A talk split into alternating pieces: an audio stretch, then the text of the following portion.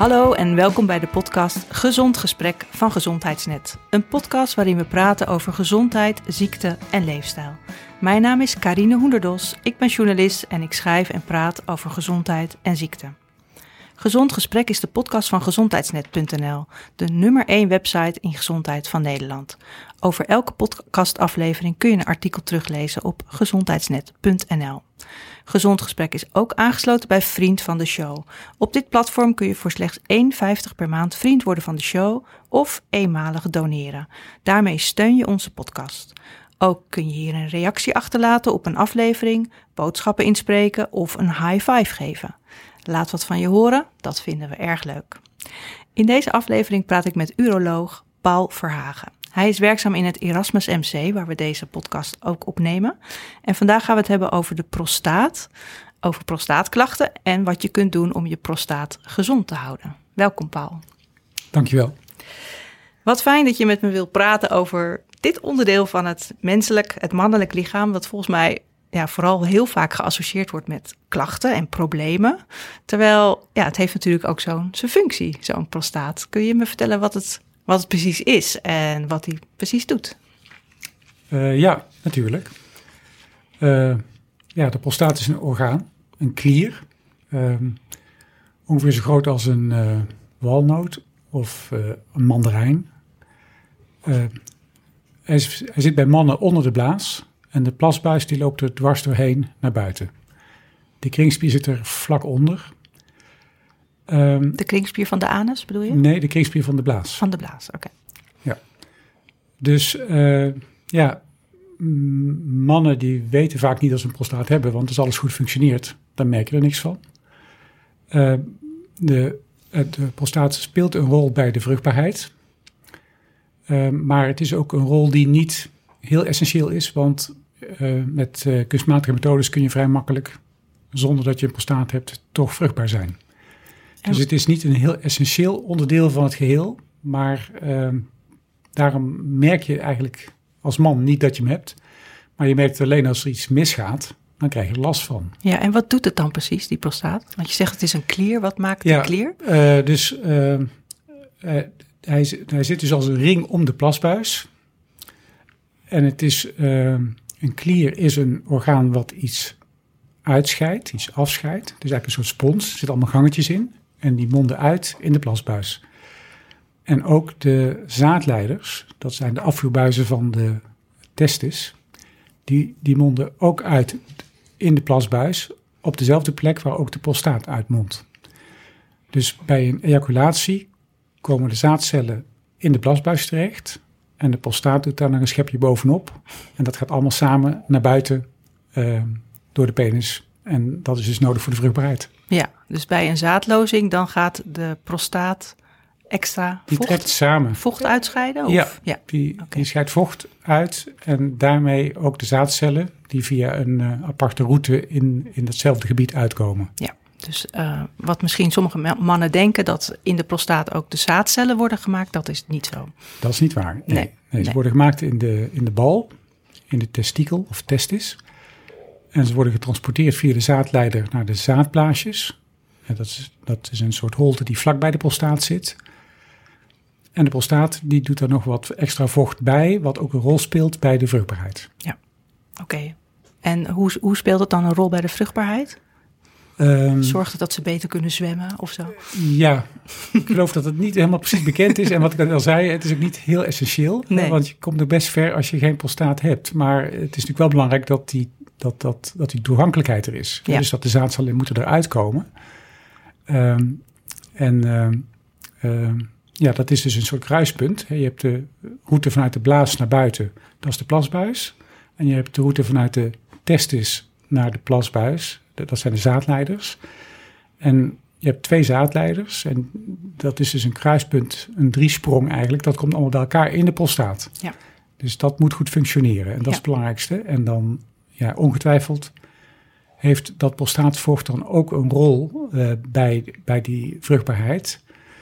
Maar dat is, uh, ja, dat, dat weet ik, dat zou ik dan ook nog precies even op moeten zoeken eigenlijk wat dat is. Ja, ja. Zo, Maar- zo eigenlijk uh, onbekend of, of niet nodig Ja. is het eigenlijk. Ja, kijk, een, uh, belangrijk punt om erover te uh, zeggen is dat de prostaat die maakt een eiwit. Dat zit in dat vocht. Dat heet uh, PSA, prostaatspecifiek antigeen. Ja. en dat wordt gebruikt, dat kun je ook in het bloed meten. En dat wordt gebruikt om bijvoorbeeld prostaatkanker op te sporen. Ja.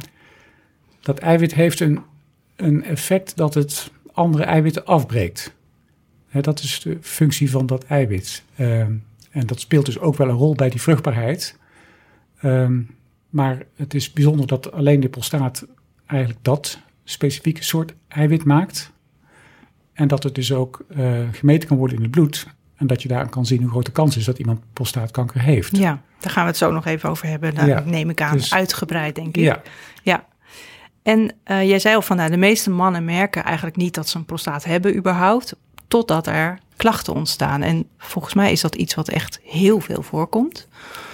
Ja, um, klopt. En hoe komt dat? Hoe komt het dat zoveel mannen uiteindelijk last uh, krijgen?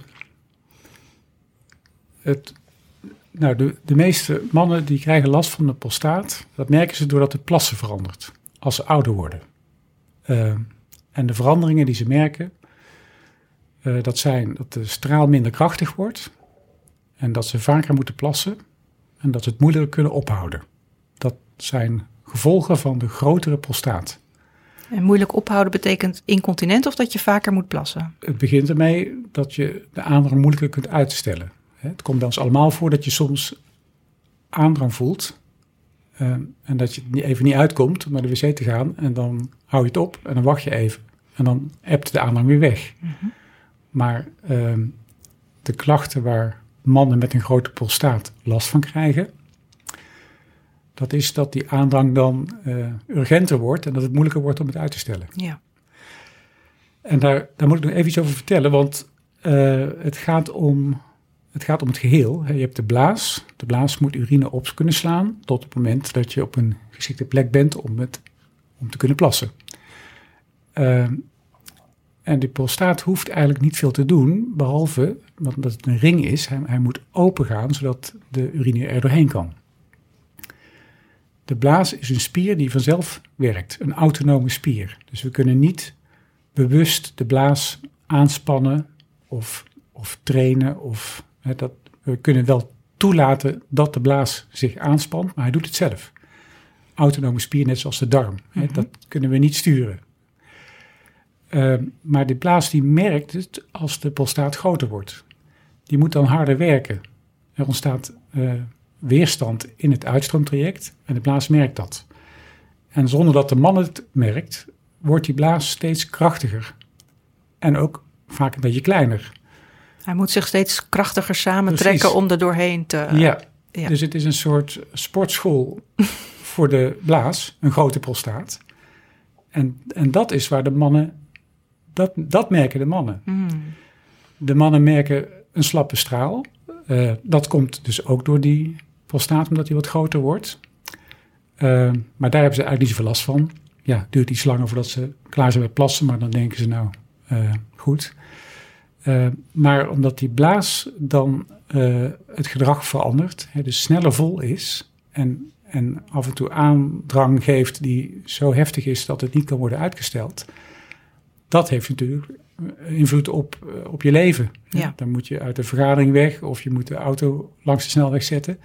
En dat is vervelend en daar komen de mannen mee. Ja, en je zegt steeds van de prostaat wordt groter, maar hoe kan het dat de prostaat groter wordt? Ja, dat is een hele logische vraag en het antwoord kan ik niet geven. Okay. Het is een gegeven, het gebeurt. En niet bij iedereen, maar bij, gemiddeld gebeurt dat bij mannen als ze ouder worden, dat de prostaat in volume toeneemt. Hij wordt groter en de weerstand die de, de plas ondervindt, die, de blaas moet harder werken om de plas naar buiten uh, te duwen. Ja. Uh, dus dat is een, een gegeven. Dus, uh, we zien is het. een foutje van de natuur? Of, uh... Maar waarom? Dat is een raadsel. Ja, oké, okay. goed. En uh, je zegt van nou, dan heb je dus klachten. Je moet vaker naar de wc, je kan het moeilijker ophouden, je straal wordt minder krachtig. En op een gegeven moment gaan mensen dan naar de dokter. Um, en dan? Wat gebeurt er dan? Wat voor onderzoek krijgen ze dan? Uh, nou, er zijn. Uh, uh, ja, komen, mannen komen dus soms vanwege de klachten met het plassen. Uh, dat is een belangrijke reden. En soms worden ze gestuurd door een vrouw, omdat die ook merkt dat ze eerst ja, minder vaak hoefde te plassen en nu vaker. Ja, ja. Hè? Of dat ze er vaker s'nachts uit moeten. En dan krijgen ze het advies van laten we maar eens even onderzoeken, zit het wel goed? Omdat ze dan ook wat eh, ongerust zijn. Want misschien betekent het wel dat er bijvoorbeeld prostaatkanker in het spel is. Ja. En dat is wel een belangrijk punt. Uh, dus die prostaatvergroting die eigenlijk goed aardig is, wel vervelend, maar niet heel gevaarlijk. Dat komt vaker voor dan prostaatkanker. Oké. Dus meer mannen hebben dat dan prostaatkanker. En kun je daar cijfers voor geven? Hoeveel mannen krijgen een vergroot prostaat zonder, zonder dat het kanker wordt? En hoeveel mannen krijgen kanker uiteindelijk? Uh, ja, de definitie, dat hangt dan weer af van... Uh, hè, ja, dat zal ik dan niet uitweiden. Maar ik denk dus het, het risico voor een man in Nederland om prostaatkanker te krijgen... is ongeveer uh, rond de 10 procent. En ik denk dat de, de prostaatklachten die uh, samenhangen met ja, plasproblemen en een grote prostaat, dat dat twee, drie keer zoveel is. Oh ja, dus echt wel één op de drie mannen, één op de vijf à drie, drie à vijf mannen kan hier last van krijgen in Ja. zijn leven. Ja. En, dat, en dat ligt eraan in welke mate en welke definitie hanteer je. Hè? Want Ja. je kunt je uitgaan van de klachten, of je kunt uitgaan van het prostaatvolume, of eh, van de histologische bevestiging in een biopsie. Nou ja, dat maakt natuurlijk heel veel uit. ja, Maar het komt veel voor. ja. En, En eh, dan wil ik nog hier aan toevoegen, want Ja. dat is wel opmerkelijk en ook denk ik belangrijk voor de mensen die luisteren. Dat als je die plasklachten hebt, dat is, dat is niet, dat verhoogt je risico op prostaatkanker niet. Oh. Dus je zou denken, als je geen klachten hebt of wel, dat dat dan misschien een reden is om de prostaat te laten onderzoeken. Maar statistisch is het risico op prostaatkanker niet verhoogd bij plasklachten. Oké. Nou, dat is misschien wel. Misschien is het wel zo dat mannen soms angstig zijn om naar de dokter te gaan met dit soort klachten, omdat ze denken: wow, het is vast een voorteken van kanker. Maar jij zegt dat dat hoeft dus echt niet zo te Statistisch zijn. is het niet zo. Zo Statistisch is het niet zo. Nee. Oké. En als je nu bij de dokter komt met die klachten, wat gebeurt, wat gebeurt er dan? Wat gaat er dan onderzocht worden? Eh, nou, de dokter, dat is dan eh, meestal de uroloog. Hè, die zal eh, in ieder geval willen weten, ja, wat is nou precies aan de hand? Hè? Hoe, hoe erg is het? Hoe vaak moet je plassen? Hoe vaak moet je er s'nachts uit? Ehm, en hoe lang is het al zo? Hè? Want er zijn natuurlijk veel verschillen. Sommige mensen hebben leven le- lang al eh, een kleine blazen of gevoelige blaas of nou ja, infecties. Dus dat wil de dokter natuurlijk weten. En dan zal hij ook eh, kijken eh, hoe erg is het probleem. Dus dat is heel eenvoudig. We doen een plastest. We hebben een wc waar een metertje in zit. En die meet de kracht van de straal en het volume, hoeveel je plast. Dus je hoeft dan alleen maar te plassen op die speciale wc. En dan kunnen we zien, ja, is dat ongeveer normaal of is het totaal eh, afwijkend? ja. dus dus Oh, dat, dat, is een eh, hele eenvoudige test. ja. En er is nog een tweede hele eenvoudige test. En dat is om met een echo te kijken hoeveel er nog in de blaas zit als je geplast hebt. Eh, want dat, als je plast, dan doe je natuurlijk je best. Je doet wat je altijd doet. Maar je, het, het blijkt dat het heel onnauwkeurig is voor jezelf om te beoordelen of je blaas leeg is na het plassen of niet. Eh, eh, soms is het zo dat de prostaat zo groot is dat de blaas het er niet meer tegenop kan boksen. Dus dan, dan plas je wel, maar je plast onvolledig. Hmm. En, en dat is eh, niet goed. Als dat lang blijft bestaan, dan kan op een gegeven moment de blaas ook beschadigd raken, zodat, het, ja, zodat je daar Dat er altijd wat urine in achterblijft. Ja. Dus dat wil je niet. En dat kan eenvoudig worden gemeten met een echo. Oké, Hè, dus een klinkt allebei als niet hele enge, ingrijpende eh, testen. Nee, eenvoudige testen. Ja. Maar dat, daarvoor moet je in het meeste geval wel bij een uroloog zijn. Die, die, en die begint daarmee. Ja. Dus die wil weten wat is er precies aan de hand. En die doet die twee testen. Er is nog een vragenlijst eh, die ook speciaal gemaakt is voor dit doel. eh, om in te vullen van nou, wat, hoe erg is het nou met dat plassen? Hè, wat vind je ervan? Hoe erg vind je het? Hè, sommige mensen moeten twee keer per nacht uit hun bed en kunnen dan eigenlijk niet functioneren. Terwijl twee keer opstaan per nacht, dat is voor een leeftijd van 50 tot 60 jaar, is, is eigenlijk de norm. Hè. De meeste Is mensen moeten er zo vaak uit, ja. Oh, Maar eh, ja, Bij sommigen geeft dat problemen en sommigen zijn eraan gewend en slapen meteen weer door. Ja. Ja, oké. Goed. En dan, ehm, eh, dan we- weet je dus, oké, de prostaat is vergroot. Wat zijn dan de opties? Wat kan, daar, wat kan je dan doen als, er, als je al iets kan doen? Ja, nee, je kunt heel veel doen. Ja. Eh, en de vraag is of het moet, want vaak zijn mannen, dat- hebben ze zich bijvoorbeeld zorgen gemaakt over de vraag, heb ik misschien prostaatkanker of Ja. is er iets ernstigs aan de hand? Eh, en als ze weten dat dat niet zo is en dat de blaas wel goed leeg komt en dat het eigenlijk ja, bij de leeftijd min of meer normaal is, ja, niet normaal in de zin, hè, het was vroeger anders, maar wel ook niet medisch ernstig, dan zijn sommigen daar al heel tevreden mee. En dan hoeft er soms geen behandeling te worden gegeven.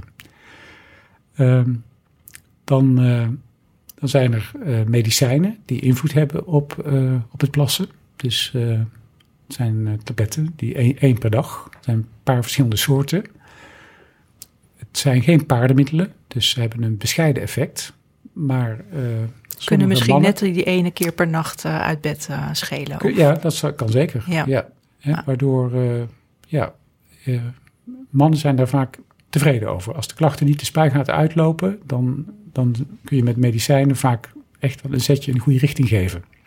Oké. Ja, dus dat is het eerste waar je aan denkt. Ja, dus het is of niet behandelen of medicijnen. En zijn er nog andere opties? Ja, zeker. Er zijn eh, eh, ja, de klassieke operatieve behandeling voor dit probleem van de grote prostaat.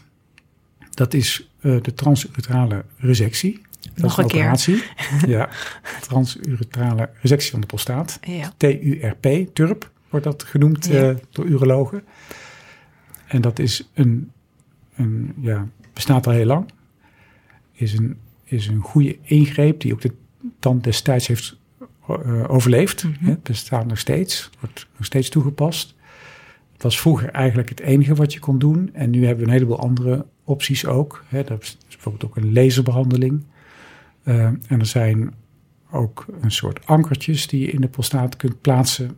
Eh, allemaal bedoeld om, om die plasbuis ruimte te geven. ja. En wat, doet, wat doet, gebeurt er bij zo'n turp? Ja, de turp. eh, daarbij eh, kijkt de uroloog die de operatie doet, die kijkt met een kijkbuis aan de binnenkant naar de holte in de prostaat. En met een elektrisch ijzerdraadje schaaft die randjes weg totdat de holte weer ruim genoeg is. Oké. Dus er zit geen litteken aan de buitenkant van het lichaam. Het gebeurt helemaal inwendig. Ja.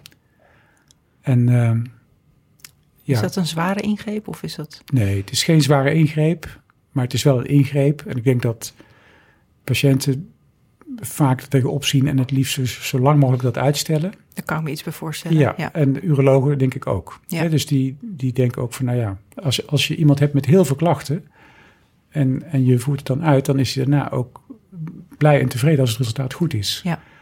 Maar als je het te snel doet, en, en eh, ja, dan heb je wel eens ontevreden patiënten. Het probleem is natuurlijk ook Omdat dat... er- dan het middel sterker is dan de kwaal? Of, eh, nou, omdat het, dat plassen toch een ingewikkeld probleem is. Het is niet de prostaat, daar kunnen we wat aan doen. Hè. Die kunnen we meten en die kunnen we zien eh, hoe groot die is en als die in de weg zit. Maar er zijn vaak nog andere dingen, zoals ik heb gezegd, de blaas die verandert. Eh, er lopen zenuwen naar de blaas, er lopen zenuwen naar de prostaat.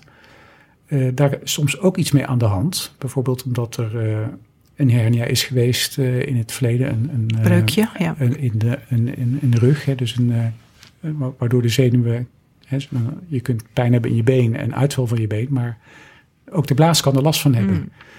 Ehm, of andere aandoeningen. Dus soms is, er, is het, het lijkt soms eenvoudig en we trekken ook vaak de conclusie van, oh, prostaat zit in de weg. Dat zal dan wel de reden zijn, maar eh, niet altijd is dat dan de reden. En ja, die prostaat is de enige die je eigenlijk makkelijk aan kan pakken. Ja. De zenuwen, daar kun je niet veel aan doen. De blaas, daar zijn, hebben we ook behandelingen voor en ook medicijnen voor. Dus dat is wel, eh, eh, nou ja, een, een, een puzzel. En dat kunnen we ook goed uitzoeken hoor, van tevoren. Ja. En dan kunnen we ook iemand daarover voorlichten hoe groot de kans is dat de prostaatoperatie dan ook het gewenste effect heeft. Ja. Maar ook dat moeten we even verduidelijken. Hè? Dus het is de blaas waar de mannen last van krijgen, terwijl Ja. de prostaat de boosdoener is. Dan gaan we de prostaat aanpakken. Ehm, maar die blaas die is nog niet meteen anders. Dus Nee. als je de prostaat hebt geopereerd en de uitgang staat weer open, dan is de blaas een autonome spier die doet nog steeds precies wat Die nog steeds op de deed. sportschool is opgepompt. Ja, en, precies. eh, en, En dan eh, is het moeilijk is en- in die ja. eerste fase na de operatie om de controle over de aandrang, om die dan goed te doseren, om dat op te Mhm. houden. Ja. Hè? Dus als mannen een operatie ondergaan, hè, dan moeten ze een fase door waarbij het probleem eigenlijk nog erger wordt. Ja, ik snap het. Ja, het omdat, die, omdat die blaas zo sterk samentrekt en de, en de uitvoer is nu helemaal vrij, dan is het eh, moeilijker om dat op te houden. Precies. Ja. Ja. Oké. En dat, ja, dat wil niet zeggen dat, dat, dat mannen toch niet achteraf heel blij zijn dat het gebeurd is. En ook zeggen, heb ik heel vaak gehoord, "Oh, ik had het eerder moeten doen. Hm. Maar eh, ja, je kunt die toekomst niet voorspellen. En je moet dus even die moeilijke periode door Ja. om uiteindelijk te weten waar je uitkomt. Ja, oké. Goed. Nou, best wel veel te doen aan een ver- vergrote prostaat. Heel veel te doen, Ja. ja. En het is ook, eh, ja, ik denk voor veel urologen, eh, ja, is het een heel belangrijk deel van het werk wat ze dag in dag uit doen. Ja. Hè, want het komt veel voor. Ja. En je zei al van als je nou eh, voor een vergrote prostaat eh, naar, de, naar de uroloog gaat, en je, maar je, veel mannen zijn bang dat ze kanker hebben. Dat hoeft dus helemaal geen relatie met elkaar te hebben. Maar toch ga je dan wel kijken of checken of er misschien sprake is van kanker. Ehm, Is dat standaard? Nou, dat is, dat is niet standaard. Dat is een goede vraag. Ehm, en dat is zo omdat ehm, voor prostaatkanker is er geen screeningsprogramma. En dat komt omdat dat ook een advies is van deskundige mensen die, die, die dat beoordeeld hebben. En die Zoals je bijvoorbeeld wel voor darmkanker of voor borstkanker Ja, eh, een screeningsprogramma hebt. Ja. Juist. Hè, dus dat is voor prostaatkanker is dat gewoon al heel langdurig een, een, een, eh, een issue. Want het kan wel, ik heb het eerder genoemd. Dus met PSA bloedtest kun je prostaatkanker opsporen.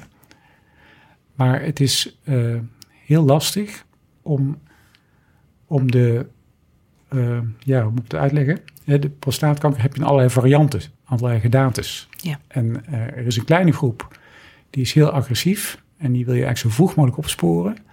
Maar er is een grote groep en dat ziet er onder de microscoop ook ongeveer zo uit. Maar die is helemaal niet agressief en daar hoef je eigenlijk niets aan te doen. Zeker niet als je met oudere mannen te maken hebt. Omdat het gewoon heel langzaam groeit. Of, Ja, ja. Meer mannen eh, gaan dood met prostaatkanker dan aan prostaatkanker. ja, dat hoorde ik ook toen ik, eh, toen ik dit voorbereidde. Ja, is Ja. dat echt zo? Dus, Ja, dat is, dat is zo. Ja, dus als je iemand die dood is gegaan aan een longontsteking of zo, zijn prostaat zou checken, dan zou je daar prostaatkanker vinden. als iemand 80 plus is, is die Ja. kans heel groot. Oké. Ja. En in de getallen is het ongeveer eh 1 op 4, zeg maar. Hè, dus de mannen die de diagnose prostaatkanker krijgen en mannen die sterven aan prostaatkanker. Ja. Dus de kans om, er, om dan toch nog aan iets anders dood te gaan is groter dan om aan prostaatkanker dood te gaan. Oké, en is dat ook de reden dat het dus niet in dat programma komt, in dat Eh, screeningsprogramma? Of? Nou, dat, dat speelt een belangrijke rol. eh, want kijk, als we een behandeling hadden die perfect was, hè, die, die effectief was en die geen bijwerkingen had, dan zouden we dat natuurlijk aan iedereen kunnen aanbieden. Maar Ja. helaas is dat niet zo. Hè, er zijn goede behandelingen voor prostaatkanker. Ehm, je kunt aan van alles denken, eh, opereren, eh, bestralen. Maar ook, er zijn nog andere behandelingen ook. Ja, dat zullen we zo ook over hebben. Maar het gaat Ja. even over die screening. Die is dus eigenlijk niet, nog niet efficiënt genoeg. Of in ieder geval kun je dan... Kijk, het probleem Te is weinig bijwerkingen. Ja. Je, je krijgt nadelige effecten van je behandeling. En je kunt niet goed eh, identificeren bij wie je dat dan zou moeten doen en bij wie niet. Ja. Dus als je iemand eh, opspoort met prostaatkanker, dan schrikt hij zich natuurlijk eh ja, schrikt erg. Ja. Mhm. En als je dan een behandeling aanbiedt, dan is natuurlijk iemand ook blij dat het ontdekt is en is dan ook blij met het resultaat als die kanker weg is. Hè. Maar als hij dan achteraf hoort dat het misschien een ziekte was ja, waar die niet aan zou zijn doodgegaan, maar hij is wel eh, incontinent bijvoorbeeld Mhm. en, en heeft last van eh, afwezige erecties. En dat dan de rest van zijn leven. Hè, dus dat is het grote dilemma. Ja. En de techniek is gewoon, ondanks heel veel onderzoek, nog steeds niet op een punt dat we dat nu beter kunnen eh, pinpointen bij wie we het wel zouden moeten doen en bij wie niet. Ja, want die PSA-waarde, misschien kun je dat nog even uitleggen hoe dat precies werkt. Hoe, hoe, komt dat, hoe kun je dat uh, eiwit meten in het bloed? Hoe komt het überhaupt in het bloed vanaf de prostaat? Uh, ja, um, daar, daar, hoort het eigenlijk niet in thuis in het bloed. Nee. Het hoort in de prostaat. En het heeft in de prostaat dus ook een hele, hele hoge waarde. Uh, die in het bloed is het alleen maar een heel klein beetje wat uit de prostaatcellen in de bloedbaan lekt, onbedoeld, ja. denk ik. Dus het hoort er eigenlijk niet, maar het is dus een hele lage waarde in het bloed. Uh, en als er kanker zit in de prostaat, die kankercellen die gedragen zich niet netjes zoals het eigenlijk de prostaatcellen zich zouden moeten gedragen. dus die, die lekken dat PSA meer de bloedbaan in hmm. dan dat gewone prostaatcellen dat doen. Maar er zijn andere uh, problemen die ook tot die lekkage van PSA naar het bloed leiden. Bijvoorbeeld een ontsteking van de prostaat of een, uh, een biopsie. als je een beeld neemt, dat doen we soms om prostaatkanker aan te tonen of uit te sluiten.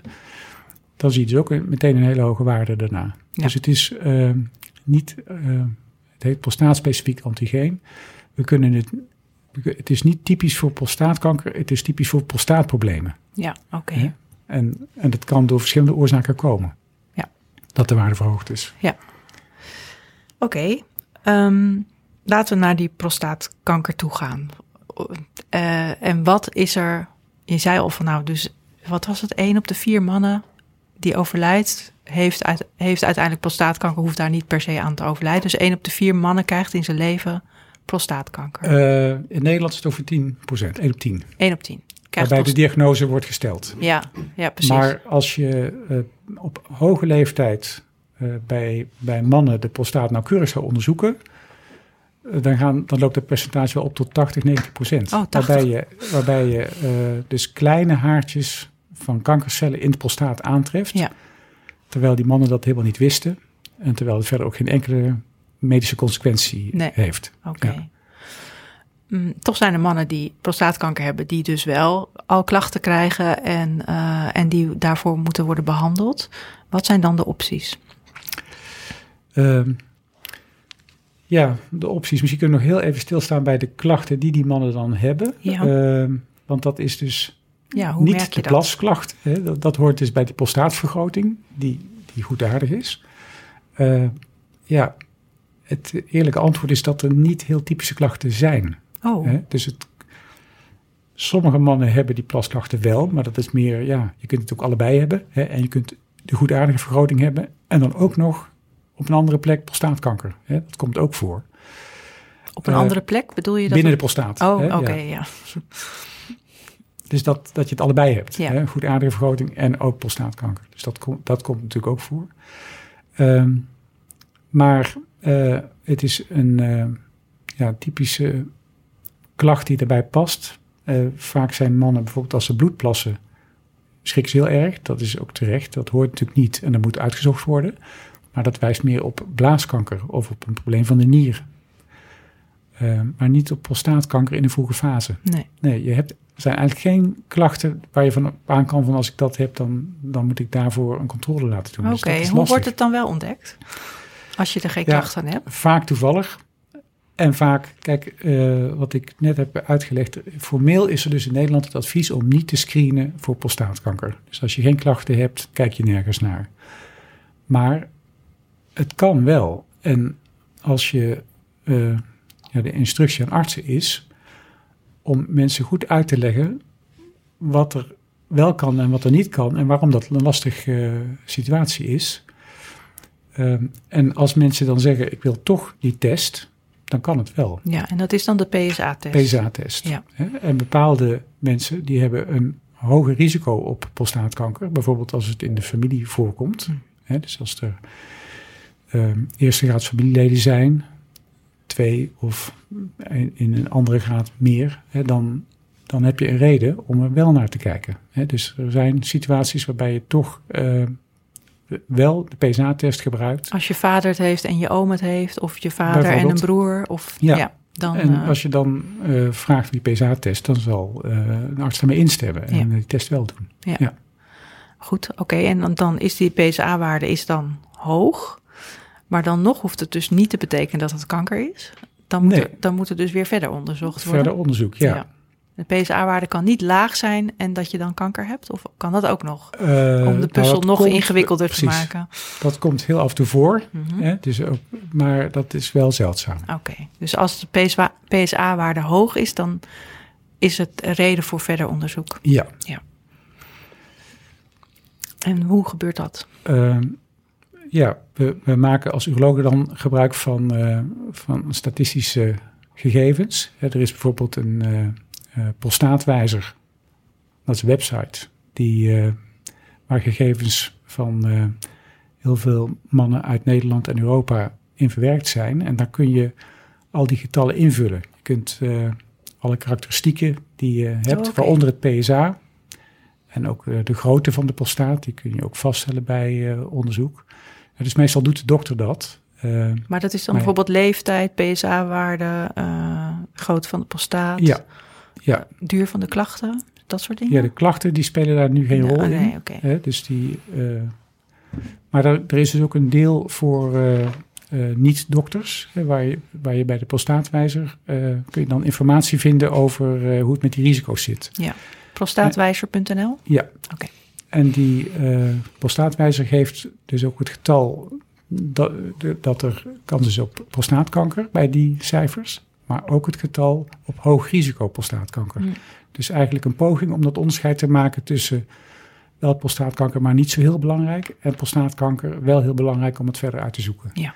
Dus daarmee krijg je een beetje een gevoel van ja, hoe groot is mijn risico nou eigenlijk? En als jij een patiënt hebt en je, en je vult die prostaatwijzer, die gegevens in en er komt uit waarschijnlijk prostaatkanker, wat gebeurt er dan? Eh, ja, dan, dan gaan we het verder in beeld brengen met een MRI Oh ja, en we gaan het bewijzen met een biopsie. een biopsie is een klein hapje. Dat, dat is een, ja, Ja. met een naald, een prik in de prostaat. Dat gebeurt onder eh, plaatselijke verdoving. En eh, ja, maar het is de combinatie dus van het beeld van de MRI. Hoe groot is het, waar zit het? En, en de bevestiging door de patholoog door, met het biopt wat we met Dat- de biopsie afnemen. Ja, dat weefsel wordt onderzocht en dan wordt er gekeken of dat inderdaad kankercellen zijn. Ja, Oké. Goed. En als daar dan uitkomt, het is kanker, wat, kan er, wat gaat er dan gebeuren? Wat zijn dan de opties? Ehm, ja, dus wat heel veel eh, tegenwoordig gebeurt is eh, waakzaam wachten. Waakzaam wachten. Ja, Oké. active surveillance in het Engels. Mhm. Omdat eh, het dus vaak voorkomt dat er wel prostaatkanker wordt aangetoond, maar niet in een vorm dat we denken dat er per se meteen moet worden ingegrepen. Omdat het zo langzaam kan groeien. Ja, Hmm. en omdat de behandeling, als je dat doet, eh, zijn bijwerkingen kent. Ja. Hè? Dus bij de behandeling denk je bijvoorbeeld aan een prostaatverwijdering, totale prostaatverwijdering. Eh, en op zich, als je dat heel eh, netjes en goed doet, dan zou je eigenlijk geen bijwerkingen moeten hebben. Want de prostaat heeft eh, dus eigenlijk niet, dus het, ten aanzien van de, plassen of eh, seksualiteit, erecties, is de prostaat niet essentieel. Wel voor de vruchtbaarheid en de toegankelijkheid van de zaadcellen. Ja. Hè, dus dat verandert altijd. Dat is een bijwerking, ja, dat is Je wordt altijd verminderd vruchtbaar als de prostaat wordt Als de weggehaald. prostaat wordt verwijderd, dan Ja. is er geen toegankelijkheid meer voor de zaadcellen Ja. naar de plasbuis. Dus dan word je onvruchtbaar. Ja. Dus die bijwerking is onherroepelijk. Maar het plassen eh, en de seksuele functie, die zou eigenlijk ongestoord moeten blijven. Hm. De reden dat dat dan niet altijd zo is, hè, dat, dat komt door schade aan zenuwen die vlak bij de prostaat zitten, of schade aan de kringspier, of schade aan de blaas. Eh, maar die prostaat zit op zo'n ingewikkeld kruispunt van eh, ja, dus belangrijke structuren, dat het heel moeilijk is om daar geen schade aan te maken. Ja. Dus dat is niet eh, stap 1 wat je meteen gaat doen. Van, Nee. oh, nee. Nee. En Dus- we kunnen dus opereren of bestralen. En die resultaten ten aanzien van de kankerbehandeling, die zijn eigenlijk allebei goed. En ook in de orde van grootte vergelijkbaar. Maar het bijwerkingenpatroon is heel anders. Wat voor bijwerkingen zijn er bij bestralen? Dus uiteindelijk, dus waar je bang voor bent, is eh, dat de plassen niet goed meer gaat, incontinentie, en dat je erectieproblemen krijgt. En bij een operatie is dat eigenlijk meteen na die operatie zo, dat dat probleem er is als dat gebeurt. Mhm. Dus het hoeft niet. Dus als, je, als het goed wordt uitgevoerd en je hebt die problemen niet, dan kan het ook zijn dat eh, eh, mannen zeggen van nou, ik merk niks, ik plas normaal en erecties zijn goed. Hè, dus dat komt ook voor. Hè, maar het komt ook vaak voor dat mannen wel merken dat in ieder geval de erecties minder goed zijn. En dat het ophouden van het plassen ook moeilijker is. En dat ze bijvoorbeeld eh, bij sporten, bij eh tennissen, smash, eh, dat soort momenten eh, wat urineverlies hebben. Terwijl dat bij mannen eh, met een prostaat eigenlijk niet voorkomt. Ja. Dus dat is het wat bij operatie gebeurt. En dat gebeurt dan meteen na de operatie, zodra het genezen is, heb je dat. En bij bestralen eh, gebeuren, krijg je ook problemen met plassen en ook met erecties. Maar dat is een sluipender effect en dat duurt veel langer. Dus Mhm. dat, dat krijg je pas na een jaar of na twee jaar, dan begint dat. En dat is dan ook moeilijk terug te draaien. Niet eigenlijk terug te Nee. draaien. Maar dat komt dus ook door de schade aan de kleine zenuwtakjes, door de bestraling. Maar dat is, dat is niet meteen zo'n heftig effect als bij de operatie. Oké. Dus- Maar dat is niet een fijne verrassing na een jaar of twee jaar als je die klachten dan Nee. ontstaan. Het, is ook, het, is, het zal niet plotseling zijn, het zal sluipend zijn. Ja, maar we letten daar natuurlijk wel op. Als iemand al van tevoren eh, bijvoorbeeld een hele gevoelige blaas heeft en heel vaak moet plassen, dan is bestraling geen goed idee. nee. Want dan overprikkel je de boel helemaal. Ja, ja. oké. En is bestralen wel effectief Ja, om de kanker tegen te gaan? ja, Ja, oké. ja. Er, zijn, eh, er wordt wel een onderscheid gemaakt in het type kanker eh, op basis van de Gleason-score. Eh, Wat voor score is dat? Dat is het, het groeipatroon van de kanker. Het is on- onder de microscoop, hoe de cellen er onder de microscoop uitzien. Het is een soort rapportcijfer. Maar Mhm. hoe hoger dat cijfer, hoe slechter het is eigenlijk. Hoe harder ze groeien. Oef. Ja, hoe ongunstiger. Mhm. Ja, dus het is een, eh, maximaal 10, zeg maar, of 9, de, de Gleason score. En dat, als het een heel hoge Gleason score is, dan is er een, een voorkeur om dat operatief te behandelen. Het gedachte is dat dat, dat dan, hè, dat die bestraling, dat het wat te veel tijd kost en dat je er echt snel bij moet zijn. En soms eh, loopt het dan toch nog niet goed af, ook al doe je meteen alles. Ja. Hè? Sommige mensen krijgen ook de combinatie, dat ze eerst worden geopereerd en dat dan blijkt dat er nog eh kwaadaardige cellen in de rand van het snijvlak zitten. En dan worden ze aanvullend alsnog bestraald. Ja? Dus ook dat komt voor. oké. En ehm, wat ik eh, vond eh, toen ik dit gesprek voorbereidde, was dat ook heel vaak hormoontherapie wordt gegeven. Ja. En wat, hoe werkt dat? Ehm, ja, dat, dat doe je als, als de operatie of als de bestraling, als dat niet gelukt is. Of als je al meteen bij diagnose, als het, de ziekte te ver is voortgeschreden. Dus als de tumor niet alleen in de prostaat zit, maar ook daarbuiten. Ehm, dus Bedoel je dan dat hij er buiten is gegroeid of dat er uitzaaiingen zijn of allebei? Dat kan allebei, ja. Ja. dus een, een eh, kanker van de prostaat is een gezwel, begint in de prostaat, maar het houdt zich niet aan de grenzen. Dus het kan lokaal buiten de grens van de prostaat groeien. Maar het, heeft ook, eh, het kan ook uitzaaiingen geven en die belanden dan vaak in de lymfklieren of in het bot. Ja. Dus daar wordt altijd, als een diagnose prostaatkanker wordt gesteld, wordt ook altijd gekeken van hoe ver is dat nou voortgeschreden. Is het alleen in de prostaat of zit het er ook erbuiten? Ja. En als het erbuiten zit, dan kun je met de prostaatoperatie of met bestraling geen genezing bieden. Dus de vraag is of je dat dan ook moet doen. Soms gebeurt het wel, maar eigenlijk is de operatie en de bestraling voorbehouden aan de situatie dat de tumor nog in de prostaat zit en dat je het idee hebt dat je met die behandeling die ziekte kunt genezen. Want als er uitzaaiingen zijn, dan is het niet meer te genezen? Is het zo? Ja, dat is zo. En dat is nog steeds zo. Ja. Ja. De behandeling die is wel, er zijn enorme ontwikkelingen geweest, maar als de tumor buiten de prostaat is beland, hè, dan kunnen we het niet genezen. We kunnen het wel afremmen, maar we kunnen het niet genezen. Kijk, dit lijkt me nou wel weer frustrerend voor een uroloog. Want je, je- je hebt dus die kanker waarvan je weet, nou, heel veel mannen krijgen dit. Als ik er vroeg bij ben, dan zou het dus nog wel in die prostaat zitten. Maar omdat ik niet die screening kan doen, Ja, kan het dus soms al uitgezaaid zijn en dan is er niks meer aan te doen. ja, ja. Ja, dat is een, een heel lastig dilemma. Ja, Ehm, en daarom zei ik ook eh, die active surveillance, hè, of waakzaam wachten. Het is wel aangetoond da- inmiddels hè, dat, dat het veilig is, dat het kan. Ja. Hè, dus eh, we weten op welke parameters we moeten letten.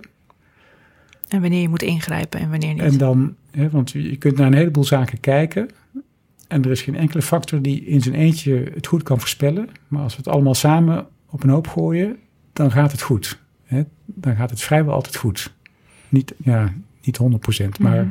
heel vaak komen we dan, kun je dan op tijd ontdekken dat die kanker toch agressief wordt.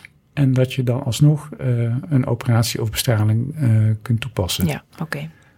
Dus, eh, maar het is inderdaad een, een dilemma, want aan de ene kant wil je eigenlijk op safe spelen en radicaal zijn. Maar aan de andere kant zou je daar een enorm spoor van schade en ellende Ja. veroorzaken bij mensen die dat helemaal niet nodig hebben. Oké. Ja. Oké, we gaan weer even terug naar de hormoontherapie, want we, Ja. we dwaalden af. Want dat kwam, die geef je dus eigenlijk als, eh, als bestraling of operatie niet aan de orde zijn. En als er uitzaaiingen zijn. Ja, ja. dus als de ziekte verder gaat, hè, of als die al ver is voortgeschreden, als er uitzaaiingen zijn, hè, dat, dat gebeurt nog steeds hè, natuurlijk, ook omdat er niet gescreend wordt, gebeurt het af en toe dat iemand die verder niets lijkt te mankeren, eh, bij een dokter binnenwandelt en een heel hoog PSA heeft en ja, prostaatkanker met, met botuitzaaiingen. Ja. Dus dat gebeurt af en toe en nou ja, ik heb persoonlijk het, het ben ik er bang voor dat dat zo zal blijven. Dus dat er is, er is een kleine groep mannen en die krijgt een vorm van prostaatkanker die zo agressief is, dat ondanks alles wat we doen, ja, dat gaat gewoon niet goed. Dat kunnen we niet tegenhouden Nee. en dat gaat mis. En dat, ja, bij borstkanker kennen we ook dat, die, die subgroep. En ik denk dat ieder tumortype eigenlijk wel zo'n... Ja.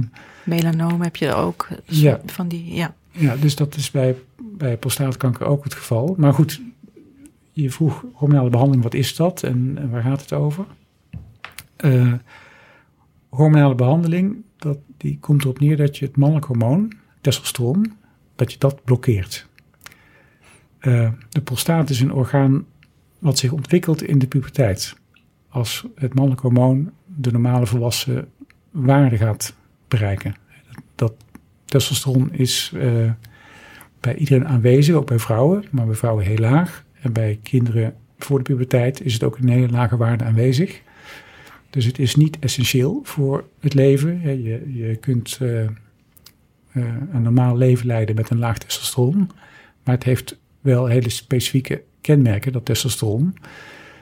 Bijvoorbeeld eh, spierkracht, uithoudingsvermogen en, en een aantal eh, eigenschappen die ook ervoor zorgen dat bijvoorbeeld eh, sporters, als ze de kans krijgen en niemand kijkt, stiekem iets extra's pakken. Ja. Dus dat doet testosteron. En het he- doet dus ook, de ontwikkeling van de prostaat is afhankelijk van dat testosteron. Dus prostaatcellen, normale gezonde prostaatcellen, die hebben testosteron nodig om, om te groeien en om de functie uit te voeren die, wat ze doen. En de prostaatkankercellen, die, dat zijn een soort ontspoorde prostaatcellen, maar die hebben vaak nog wel die eigenschap. Dus die zijn afhankelijk van het normale testosteron om te groeien. En als je dat testosteron afpakt, dat vinden ze niet fijn. En dan, ja, heel veel prostaatkankercellen gaan dan ook werkelijk dood. Die verdwijnen. Eh, En de, en de gewone is- prostaatcellen? Die worden Ja, kleiner of die, die... worden, ja, die worden klein. Ah. Prostaat, ja, die, ook een, een belangrijk deel van de eh epiteelcellen, dus de bekledende cellen van de prostaat, die verdwijnt ja, als het mannelijk hormoon eh, laag wordt. Maar de prostaat gaat niet helemaal weg. Er blijft een, eh, hij wordt kleiner, maar er blijft een prostaat wel over, die dus zeg maar in een soort ruststand belandt. Ik kan me voorstellen dat als je testosteron eh, blokkeert, dat er wel wat meer gebeurt dan alleen maar bij die prostaat. Dat er bijwerkingen zijn. Ja, dat klopt. Ehm, die, eh, die bijwerkingen die zijn eh, ja, waar de mannen last van hebben. Dat is op de eerste plaats eh, vermoeidheid, hè, minder uithoudingsvermogen. Ehm, en ehm, ja, daar kunnen ook eh, opvliegers optreden. Daar hebben ze vaak ook veel last van. En net als bij vrouwen in de overgang. Mhm. Dus dat ze zich moeten omkleden omdat er zoveel transpiratie eh, ontstaat. En soms ook eh, wordt de stemming beïnvloed. Dus wat depressieve gedachten. Dat, dat kan ook uitgelokt worden door eh, de verandering van eh, een normaal testosteron naar een laag testosteron. Wat dus als behandeling voor prostaatkanker wordt toegepast. Ja. Dus Een beetje zoals de vrouwelijke cyclus met eh, post eh, voor de menstruatie, zo'n sombere buien. Dan, dat is eigenlijk hetzelfde effect wat bij dan bij mannen. ja, optreedt, alleen- Vooral de verandering lijkt het te Ja, doen. die verandering, ja. ja. Want als het langer blijft bestaan, hè, dan raken mannen ook daar wel aan gewend. Mhm. En dan eh, zeggen veel mannen van, nou ja, het valt wel mee. Of sommigen zeggen zelfs, ik merk niks. Maar vaak hoor ik dan wel de partner eh, zeggen dat er wel dingen zijn veranderd. Mm. Maar het vreemde is, jij bent natuurlijk jezelf. En ook als je hormonaal wordt behandeld, ben je nog steeds jezelf. Dus je raakt aan gewend. en op een gegeven moment zeg je van, ja, gaat goed. Ja. Merk niks. Maar eh, ja, er zijn effecten. Maar de partner merkt dan bijvoorbeeld dat iemand somberder wordt of vermoeider of Of emotionele. emotioneler. Ja. Oké. Ja, Vaker huilen, bijvoorbeeld. Ja, gemakkelijker huilen. ja. Oké.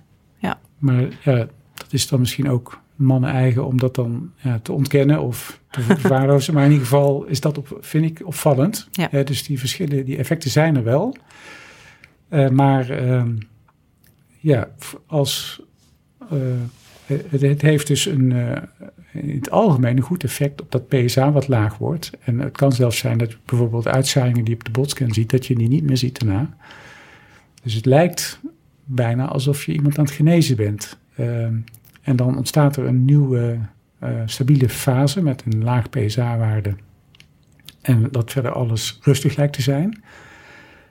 Ehm, helaas is het ook een eh, feit dat vroeger of later er dan toch weer prostaatkankercellen zijn die zich onttrekken aan die hormoonbehandeling en toch weer gaan groeien. Oh, Hoe de- dat kan, dat, dat weten we eigenlijk ook niet precies. Maar het is alsof een ze er niet wetmatigheid. meer gevoelig voor zijn dan Ja. voor die eh, hormoondaling. Eh, gemiddeld is het ongeveer eh, anderhalf tot twee jaar dat die hormonale behandeling eh, ja, de ziekte eigenlijk stilzet. En dat je eigenlijk verder nergens nou om hoeft te kijken. Hmm. Maar er zijn uitschieters twee- beide kanten op. Hè, maar er zijn dus mannen die tien jaar lang alleen op die hormonale behandeling verder een leven leiden. Waarbij ze dan subjectief ook zeggen van ja, eigenlijk gaat alles goed. Hm. Terwijl ze dan dus tien jaar lang eigenlijk de uitgezaaide vorm van Ja. ja, de meest agressieve prostaatkanker hebben. Eh, maar die dus dan wel heel goed en langdurig reageert op die hormonale behandeling. Ja, oké. En als het, als het is uitgewerkt, wat, wat zijn er dan nog opties? Ja, dan zijn er nog veel opties. Eh, dus eh, die hormonale behandeling bestaat al heel lang en dat kan op verschillende manieren. Eh, eigenlijk zijn die mannen altijd onder controle bij een arts, en meestal om de drie maanden. En dan is eigenlijk altijd het eerste wat je ziet dat het PSA omhoog gaat, terwijl de mannen nog geen nergens last van hebben. Hmm. En de, Dat is dan het teken dat, het, dat de hormoonbehandeling minder goed aanslaat. Ja. En als dat gebeurt, dan kijken we natuurlijk van, eh, ja, hoe, hoe zit het? Waar, waar, waar is, eh, en we proberen met eh, beeldvorming te kijken waar het zit en wat er, waar, waar de cellen zitten die aan het groeien zijn. En er zijn dus aanvullende behandelingen mogelijk. Er is bijvoorbeeld een middel wat ook, eh, hè, dus die hormonale behandeling, die wordt meestal gegeven in de vorm van injecties, eens per drie maanden, Mhm. die het mannelijk hormoon naar een lage waarde brengen. Het kan ook met tabletten. Eh, maar er zijn ook tabletten die eh, werken op een andere manier en die grijpen eh, nog op een andere manier in in het metabolisme van de cel, waardoor het mannelijk hormoon nog weer lager wordt. Het blijft castratieniveau. Oh, is, is niet nul. Hè? castratieniveau. Zo heet dat dan Ja. in, onze, Mhm. in ons jargon. Hè, dus als je de test is uitschakelt, Hè, er wordt ook nog wat mannelijk hormoon gemaakt in de, de bijnier en in het vet. Vetcellen doen het ook een beetje. Ehm, maar dat kun je dus ook nog blokkeren Ja. met tabletten. Maar je En- zegt castratieniveau. Ik denk dat heel veel mannen die dit horen nu denken... oh, dan is er dus ook geen erectie meer mogelijk. Of eh, is dat zo? Of, Ja, dat is, in de regel is het zo, ja. ja, oké. Dus dat is wel echt een... Maar eh, ja, wat daar dan ook bij moet worden gezegd is dat dat mannelijk hormoon speelt ook een belangrijke rol bij de seksuele drive. Ja. De, de belangstelling voor seks. En dat verandert ook. dat die neemt af. erectie, die, die, die doet het niet meer, maar die, het is vooral dat er ook niet, niet meer zoveel zin is of belangstelling of überhaupt eh, interesse in seks. Hm. Dat is een bijwerking van, van de hormonale behandeling. Ja. Oké. Ehm, nou, dus dan kun je dat nog doen. Die, die, die testosteron zeg maar helemaal blokken. En er zijn vast nog wel andere middelen. Chemotherapie, Ja, immunotherapie, er zijn allerlei ontwikkelingen. Hè, dus ehm, ja, die, die, eh, dus dan als je in die fase belandt, dan ben je niet meer onder behandeling bij een uroloog, maar dan kom je bij een internist-oncoloog. Ja. Eh, maar er zijn zeker in de afgelopen tien jaar verschillende ontwikkelingen geweest, waardoor de vooruitzichten voor mannen met prostaatkanker echt zijn verbeterd. Maar het blijft ook een hele ellendige ziekte, want ja, we zijn al begonnen met de bijwerkingen van de operatie of de bestraling. Mhm. En dan komt daar de hormonale behandeling overheen. En dan komt er nog chemotherapie overheen. En nou ja, al die dingen stapelen wel op. ja, Dus het is, je hebt meestal een lange overleving, maar wel een overleving waarbij de kwaliteit van leven stapje voor stapje wordt uitgekleed. oké. Ja. Ja, het is niet anders natuurlijk. Ja, het is de stand van zaken nu. ja, precies. Want Dus, je zegt de stand van zaken nu en je had het ook al over dat, dat onderzoek. Hè, dat je zegt, nou, het zou mooi zijn als we juist die gevallen eruit kunnen pikken van de, de soorten kanker die, prostaatkanker die heel snel groeien. Zijn er, is, is er onderzoek nu waarvan jij denkt, nou, dit volg ik op de voet, want dit zou wel heel interessant kunnen zijn voor de toekomst? eh, kijk, prostaatkanker is een enorm eh, gezondheidsprobleem en er is heel veel onderzoek eh, over, over de hele wereld. Eh, en eh, ja, zelfs binnen het veld van prostaatkanker heb je weer specialisten die weer helemaal binnen één deelgebied zitten. Dus eh, eh, het is niet zo dat ik nou één ontwikkeling precies kan benoemen. Dus in de tijd dat ik zelf werd opgeleid als uroloog, hè, dat is, ben, ik werk hier sinds 1999, hè, dus het is al lang geleden. Ehm, maar toen hadden we eigenlijk geen manier om prostaatkanker goed te zien. We wisten, toen waren dezelfde problemen die ik nu net opzomde, die waren er toen ook al. Maar we zagen niet eh, waar we moesten zijn. We prikten eigenlijk goed geluk in de prostaat om de diagnose te stellen. En we hadden de hormonale behandeling, maar die bestaat ook al heel lang. Ja. En eh, in die tijd was er geen enkele studie die überhaupt had aangetoond dat de overleving van prostaatkanker langer werd van een bepaalde behandeling. Dus je- we behandelden allemaal. Hè, je zag PSA omlaag gaan. Maar of mensen ook langer leefden, dat, dat wisten we niet. Nee. En dat was maar een klein beetje, zeg maar. Want eh, er waren wel studies gedaan, maar die toonden dat verschil niet aan. Eh, maar nu weten we van een heleboel behandelingen dat ze echt levensverlengend zijn.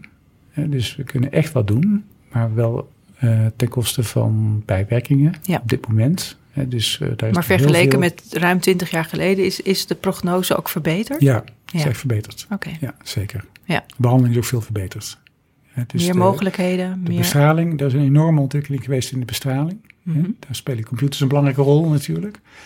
En de operatieve techniek is ook enorm, eh, ja, heeft zich ook enorm ontwikkeld met eh, de toepassing van robotchirurgie in veel gevallen.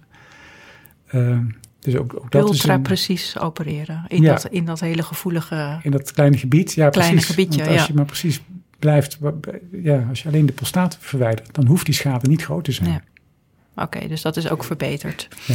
Van de botte bijl naar de, nee hoor, naar de, Ja. naar de robot. eh, ja. Ja, was maar zo. Nee, er, is nog veel, er moet nog veel verbeterd worden ook. Het, is, eh, het is nog echt niet opgelost. Ja, dus eh, het is een raadslachtige ziekte. En, eh, en er is, eh, we hebben dat eerder even genoemd, maar nog niet in, dit, in de podcast benoemd. Hè, dus dat er een verschil is ehm, ja, of je roots in Europa liggen, of in Amerika, of in Afrika, of in Azië. Hè, wat het prostaatkankerrisico betreft. Ja. Hè, de laagste kans, dat geldt voor Aziaten.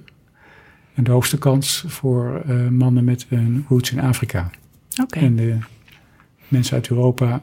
En Zitten er middenin. Die zitten er tussenin, ja. Ehm, en dat suggereert, althans die suggestie wordt gewekt, dat dat met lifestyle en met dieet te maken heeft. Het is ook in studies eh, aangetoond dat eh, Chinezen en Japanners die naar Amerika reizen, dat die in de eerste generatie het risico ongeveer houden van eh, waar ze vandaan komen, maar de tweede generatie dat die dat risico van, het, van Amerika overneemt. Oké, dus- dus het is, ja, dat is dus niet zozeer de achtergrond, maar meer de leefstijl die je hebt. Dat die, wordt eh, die- gesuggereerd door de ja. studies. Ja. Ja, want dat was eigenlijk mijn, mijn, mijn volgende vraag van wat al deze problemen nu geschetst. Wat kun je doen om je prostaat gezond te houden? Ja. En blijkbaar Ja. is leefstijl dus eh, een factor. ja, de suggestie is er. Ja. Dat dat een belangrijke factor is. En ook daar is veel onderzoek naar gedaan. Maar niet genoeg om een eh, korte conclusie eh, te geven van eh, dit of dit moet je zo doen. Nee. Hè? Dus er zijn, eh, ja, het, in, in het algemeen is overgewicht is nadelig voor de gezondheid en is ook geassocieerd met prostaatvergroting en plasklachten en ook met prostaatkanker. Het zijn maar kleine effecten, maar die effecten zijn er wel. Mhm. En het omgekeerde, dus een gezonde lifestyle en een gezond dieet en een, normaal gewicht. En dat is geassocieerd met een eh, ja, dus lager risico. Ehm, maar waar het dan precies in zit en wat je precies nog meer moet doen, hè, er zijn eh, ja, de artikelen die erover gaan, die, die sommen heel veel ingrediënten op. Ehm, maar de studies die spreken elkaar soms tegen. Dus ik heb nog speciaal voor dit gesprek nog even gekeken naar eh, de recente literatuur. Maar ik kan er geen punchline van maken om tegen mannen Doe te dit zeggen, doe en dit. dan- en, en dan, weet je dat je bij de uroloog weg kan blijven. Jammer, nee, helaas jammer. niet. Ja, ja. En is het zo dat je, eh, eh, dat je voor je prostaat bepaalde dingen kunt doen? Ik, ik denk maar seks en of, of veel drinken of juist niet veel drinken. Die dingen die daar misschien een invlo- of invloed op hebben? Ehm, nou, gek genoeg kan ik het antwoord niet geven. Dus het lijkt wel logisch dat eh, ja, de prostaat speelt een rol bij de seks. En dat dan een eh, regelmatig gezond seksleven, dat dat misschien ook gezond is voor de prostaat. Maar is nooit aangetoond. Hm. Nee. Dus onthouding of een sobere levensstijl of op dat gebied eh Verhoog niet de kans. verhoogt niet de kans. Nooit Nee. aangetoond. Nee. En wat drinken betreft, eh, ja, goed drinken, dat is een, een algemeen advies wat veel dokters geven. Maar wat is nou goed drinken? Het is heel verschillend. Mensen die eh, hebben een patroon. En het blijkt ook in de praktijk heel moeilijk als je een patroon hebt om dat te veranderen. Ehm, vooral als je bijvoorbeeld eh, aanleg hebt om nierstenen te maken. Dat is ook iets wat bij een uroloog terechtkomt. Hè. Dan is het belangrijk om daar wat aan te doen. Maar dat is moeilijk voor man- mannen en vrouwen om dat te veranderen als ze niet de behoefte hebben of niet de prikkel voelen om te drinken. Eh, maar of het prostaatproblemen kan voorkomen, ik heb er niks over gevonden. Nee. Nee. En hoe zit het met supplementen? Want toen ik dit gesprek voorbereidde en ik googelde prostaat, toen kwamen er echt heel veel supplementen tevoorschijn. eh, met allerlei eh, zaagpalm, geloof ik. En lycopene en, alle, en isoflavonen, Chinese kruiden. Nou, van alles Ja. en nog wat. Ehm, hoe zit het daarmee? Eh, ja, het is een, een hele levendige handel. En nou, ik Dit hoor zegt wel eigenlijk van, al genoeg. Het is een hele- van, van, van, van mannen. Ja, dus dat, dat, ik zal nog even het onderscheid maken. Eh, dus eh, als je het over preventie hebt, dan is primaire preventie dat je probeert een ziekte te voorkomen. Ja. En secundaire preventie is als je een ziekte hebt en je probeert er iets aan te doen om te voorkomen dat die ziekte verder gaat. En die zie jij natuurlijk vooral, die mensen. En die mensen die zie Ja. ik. En die zijn vaak erg gemotiveerd om iets te doen met voeding of supplementen. En, en die, die, die doen dat dus ook. En die zijn er open over. En, dat vind ik ook goed. En- Mhm. Want dan zeg ik van ja, ik kan niet advies geven. Hè? Dus eh, het is je eigen afweging.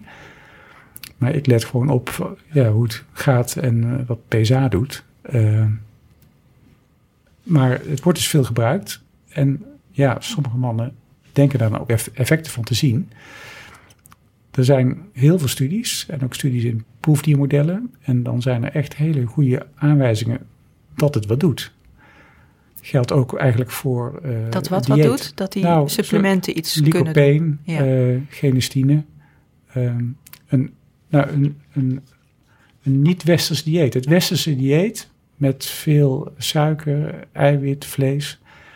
Dat staat in de beklaagde bank. Dat, dat lijkt niet het gezonde dieet te zijn. Nee. En, en de diëten die, of de voedingssupplementen zijn vaak gebaseerd op Aziatische gewoontes. Ja. En daar kwam het nou net minder vaak voor in die daar uh, komt het minder voor, precies. Hè? Dus dan is het aannemelijk om te denken, nou, dan zal het misschien daarmee te maken hebben. Ja. Uh, vis, uh, groene thee. Soja, dus ook. Ja, soja, precies. Lycopene dus, zit veel in tomaten. Er, zit, er is onderzoek bij proefdieren dat laat zien dat experimentele prostaatkankers minder goed groeien als je dat toevoegt. Maar als je dan probeert uit te zoeken in de literatuur welke dosering, hoe vaak dan, welke combinatie, dan kom je er niet uit. Nee, en het is ook dus nog niet vertaald naar mensen. Het is in proefdieren, maar nog niet. Er zijn, ja, nog, er zijn wel studies gedaan bij mensen, mm -hmm. maar daar komt dan niet een, een, een, uh, een conclusie uit waarvan je weet als ik het zo doe, dan is het goed. Nee. Dus, dus wat zeg jij dan in de praktijk tegen de mensen die bij jou in de spreekkamer zitten en die iets willen doen om hun prostaat langer in goede conditie te houden. Wat, wat, ook bij muizen aangetoond is, of ze nou uh, experimentele kanker hebben of niet, hè, dat als je ze laat hongeren, dat ze veel langer leven. Oh ja, ja. Hè, dus dat is een. Dat, dat advies geef advies jij. Voor iedereen. nou ja. Niet te veel eten. Ik denk dat dat eigenlijk een, ja, het best onderbouwde advies is. Ja. Heel algemeen. Calorierestrictie, ja. Ja, of je nou prostaatkanker hebt of niet. Ja. Het niet te veel eten. En misschien ook niet te veel suiker en vet, maar meer naar de richting de, de Aziatische keuken met veel vis, soja, groenten. Maar ja, dus ik zie jou een beetje bedenkelijk. Ik ja, zie je een beetje bedenkelijk kijken. Ik kan het niet hard maken. Nee. Het is aan, aan, je zou graag wat hebben om, uh, om het inderdaad als primaire preventie. Als je zou weten, als we dit of dit nou in de voeding aanpassen, dan komt het niet meer voor. Ja. Maar uh, nee, helaas is er geen aanwijzing dat het zo goed werkt. Nee. En ja, los van de uh, dieet, het kan natuurlijk ook dat die verschillen in uh, risico tussen mensen uit Azië en de rest van de Ja. wereld, dat het te maken heeft met Andere factoren dan leefstijl. precies Ja. eh, met, met, met erfelijke factoren. eh, ja, Ja. het is een ingewikkelde puzzel. Ja, oké. nou, we blijven nog even doorpuzzelen. En volgens mij eh, zijn we wel aan het eind eh, van het gesprek. Ik heb een mooi eh, overzicht gekregen wat het is, wat, je, wat, er, wat er kan gebeuren. En ook eh, wat er gebeurt als je echt ziek wordt aan de prostaat, dus prostaatkanker krijgt. Dus dank je wel daarvoor. Graag gedaan. Ja. Je luisterde naar Gezond Gesprek, een podcast van Gezondheidsnet, gepresenteerd door Karine Hoenedos met producer Jonne Seriese. De tune is van de onvolprezen Yearlings. Wil je meer weten over het onderwerp van deze podcast? Kijk dan zeker op gezondheidsnet.nl. En wil je reageren op deze podcast? Dat kan.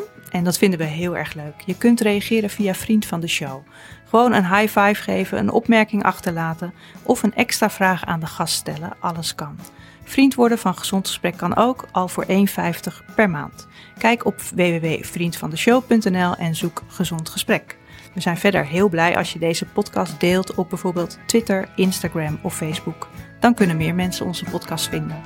Tot de volgende keer. Tot het volgend Gezond Gesprek.